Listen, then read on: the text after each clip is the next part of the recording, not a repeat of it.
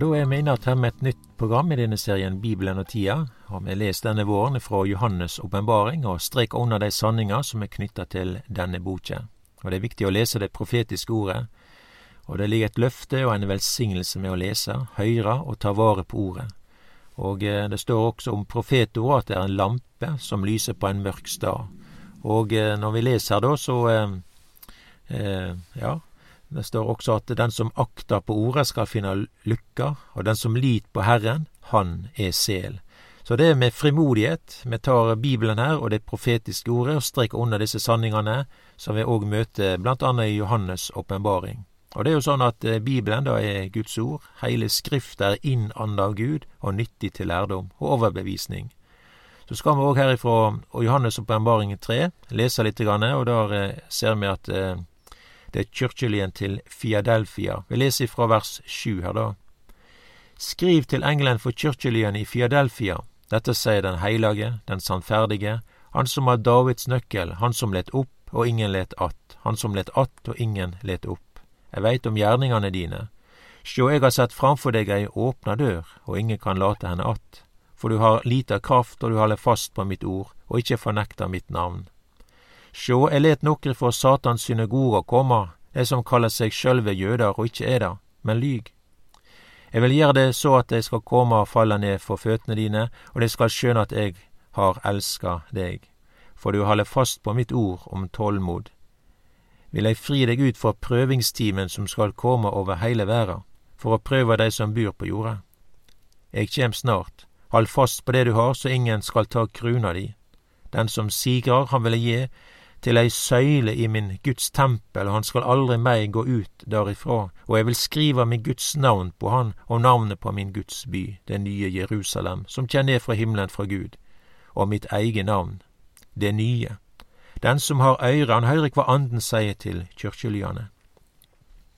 Og da, Når vi leser da som er sagt i Fiadelfia, så er det mange ting å streke under. Dette her er jo den, da den sjette kyrkjelyen sånn, da, men samtidig eh, eh Du har jo òg den siste, som har navnet Laudikea. Eh, Fiadelfia, da, det betyr broderkjærlighet. Og eh, i vers 8 så står det at 'jeg veit om dine gjerninger'. Og dette er jo sagt til de fleste av disse brevene som er skrevet. Det er sagt til Efesus, til Tyratira, Sardes, Fiadelfia Laudikea. Og disse gjerningene da er arbeid og oppgave i Guds rike, det er aktivitet i disse kirkelyene, og Bibelen forteller om en god del angående gjerninger. Vi kan lese om lønn, vi kan lese om kranser, en skal få att det som er gjort, og jeg veit om gjerningene dine. Og jeg synes det er fint å lese. Det er ingenting som Jesus ikke veit. Det er ingenting som ikke han har oversikt på hva som er gjort. Han veit om dine bøner, de forbønnstjenester, Kongens fortjenestesmedalje det er jo en fin anerkjennelse på ei tjeneste som er gjort. En trufast eh, oppgave gjennom mange år, og så får en da en sånn medalje. Så er det da noe med å dokumentere det som er gjort, da. Men jo Jesus trenger en ikke da. Her er det en som veit om dine gjerninger. Og Det står òg i første Korinterbrevet, da står det at eh, det er kapittel tre for ingen kan legge en annen grunnvoll enn den som er lagt, Kristus Jesus. Men om noen bygger på denne grunnvollen med, med gull, sølv og dyre steiner, eller med tre høy og strå, da skal det verket han har, eh, en har utført, verte åpenbæra. Dagen skal syne det, for han vert åpenbæra med eld. Hvordan verket til den einskilde er, det skal elden prøve. Og det verket som en har bygd vert stående, da skal han få si lønn. Brenn verkans opp, da skal han mista si lønn. Men sjøl skal han verta frelst, men da som gjennom eld. Så her, her, er det jo nevnt en del byggemateriale, da. Så eh, da, da, gjelder det å bygge med det rette. Dette er ikke noe som eh, at han går snarveier på noen måte, eller en bygger noe som er stort og flott, og ja, men at en bruker rette materiell. Vi må bruke eldfast materiell. Og Bibelen er jo sånn eldfast materiell. Den tåler Altså, det har vært mange bål i historien av bibler, men det er ingen som har makta å ta Bibelen bort. Guds løfte, det er noe som står der. Det gjelder tid og evighet. Det gjelder om det stormer eller det er stille. Bibelen har ingen begrensninger, eller det, den står der i alle livets situasjoner. Og i denne kirkelyen som vi leser om eh, altså i det, det, programmet vi hadde sist, da, eh, da var det jo kirkelyen til Sardes. Da leser vi at eh, gjerningene deres ikke var funnet fullkomne for Gud. Altså, det ble gjort et arbeid, men eh, det var ikke gjort med rette byggemateriell. Og i Guds rike så, eh, så må vi alltid bruke originaldeler. Vi vet jo at vi må bruke eh, de materielle som Herren sjøl har sagt vi skal bruke. Så når det gjelder denne kirkelyen til Altså, de sier om seg sjøl at eh, den er sterk, men så er de svak. Og det som gir denne kirkelyen sin styrke, det er at de er avhengig av Herren. De er avhengig av Herrens bærekraft. Så um, denne kirkelyen får en god omtale av Herren. Vi leser at de har liten kraft, og de holder fast på Guds ord og ikke fornekter navnet Jesus. Fordi du holder fast på mitt ord, leste vi her, vil eg fri deg ut fra prøvingstimen som skal komme over hele verda, for å prøve dei som byr på jorda. Eg kjem snart. Hold fast på det du har, så ingen skal ta kruna di. Så her leser jeg eh, Altså, det er to ting som er viktige under vandringa, da. Det er å ta vare på Guds ord. Også ord om tålmodighet. Jeg tror at det var en del utfordringer der for kirkelyen. De var ikke så sterke og mange. Det kunne sjå litt sånn lite og smått ut, men de var ei forsamling som tok vare på broderkjærligheten. De hadde ordet som de tok vare på, de var trufaste i oppgåva. De ba til Gud og påkalla Hans navn. Men vi leser òg her at de skulle ha fridd ut av den prøvingstimen som skulle komme over hele jorda. Og det kan godt være at dette der handler om den trengselstid som skal komme over hele verden da, og at Herren tek bort si kyrkja før den tar til. Men når Bibelen taler om dette, her, så, be, så betyr ikke det at den fortsatt eh, skal ha trengsler. Trengselet det kan være så mangt. Det er ulike tider og tidsperioder. Kristenlivet den har levd i mange ulike verdensdeler, enten det er i Europa eller Asia og Afrika. Mange kristne lever tett på eh, andre religioner. En blir ikke akseptert eller tolerert. En må leve i skjul angående sitt tru og kjærleiken til det kristne fellesskapet. Men sjøl om en skal verta fridd ut for den prøvingstime som skal komme over heile jorda, så må en likevel holde fast på den har, så ingen skal ta kruna di. Og eh, det er da uttrykk for at her er det en som ønsker å ta vår kruna. Knebler kristenlivet, ønsker å gjøre det vanskelig med å tjene Herren, og da å leve livet til glede for vår Mester. Men, men hilsinga fra Jesus her er ordet her Eg kjem snart. Og jeg synes det er ei fin påminning. Jeg tror vi kan løfte vårt blikk oppover og heimover.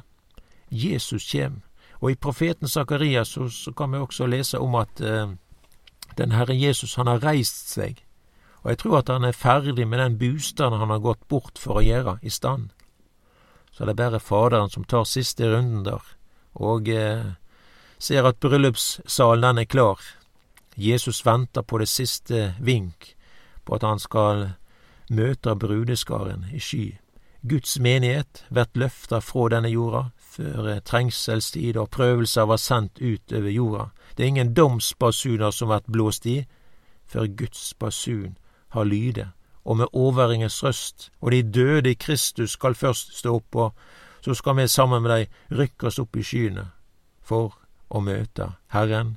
Men inntil så lenge, så ta vare på skatten som er deg overgiven. Ta vare på ordet, ta vare på det kristne håpet, ta vare på bønneretten og det som er deg gjeven. Ta vare på broderkjærleikheten og tjenester for Jesus, og det som er svakt, det som synes så lite, ja, om en har det sånn, og en opplever det slik, så det er da en trenger mer nåde. Og det er det som gir en sterk.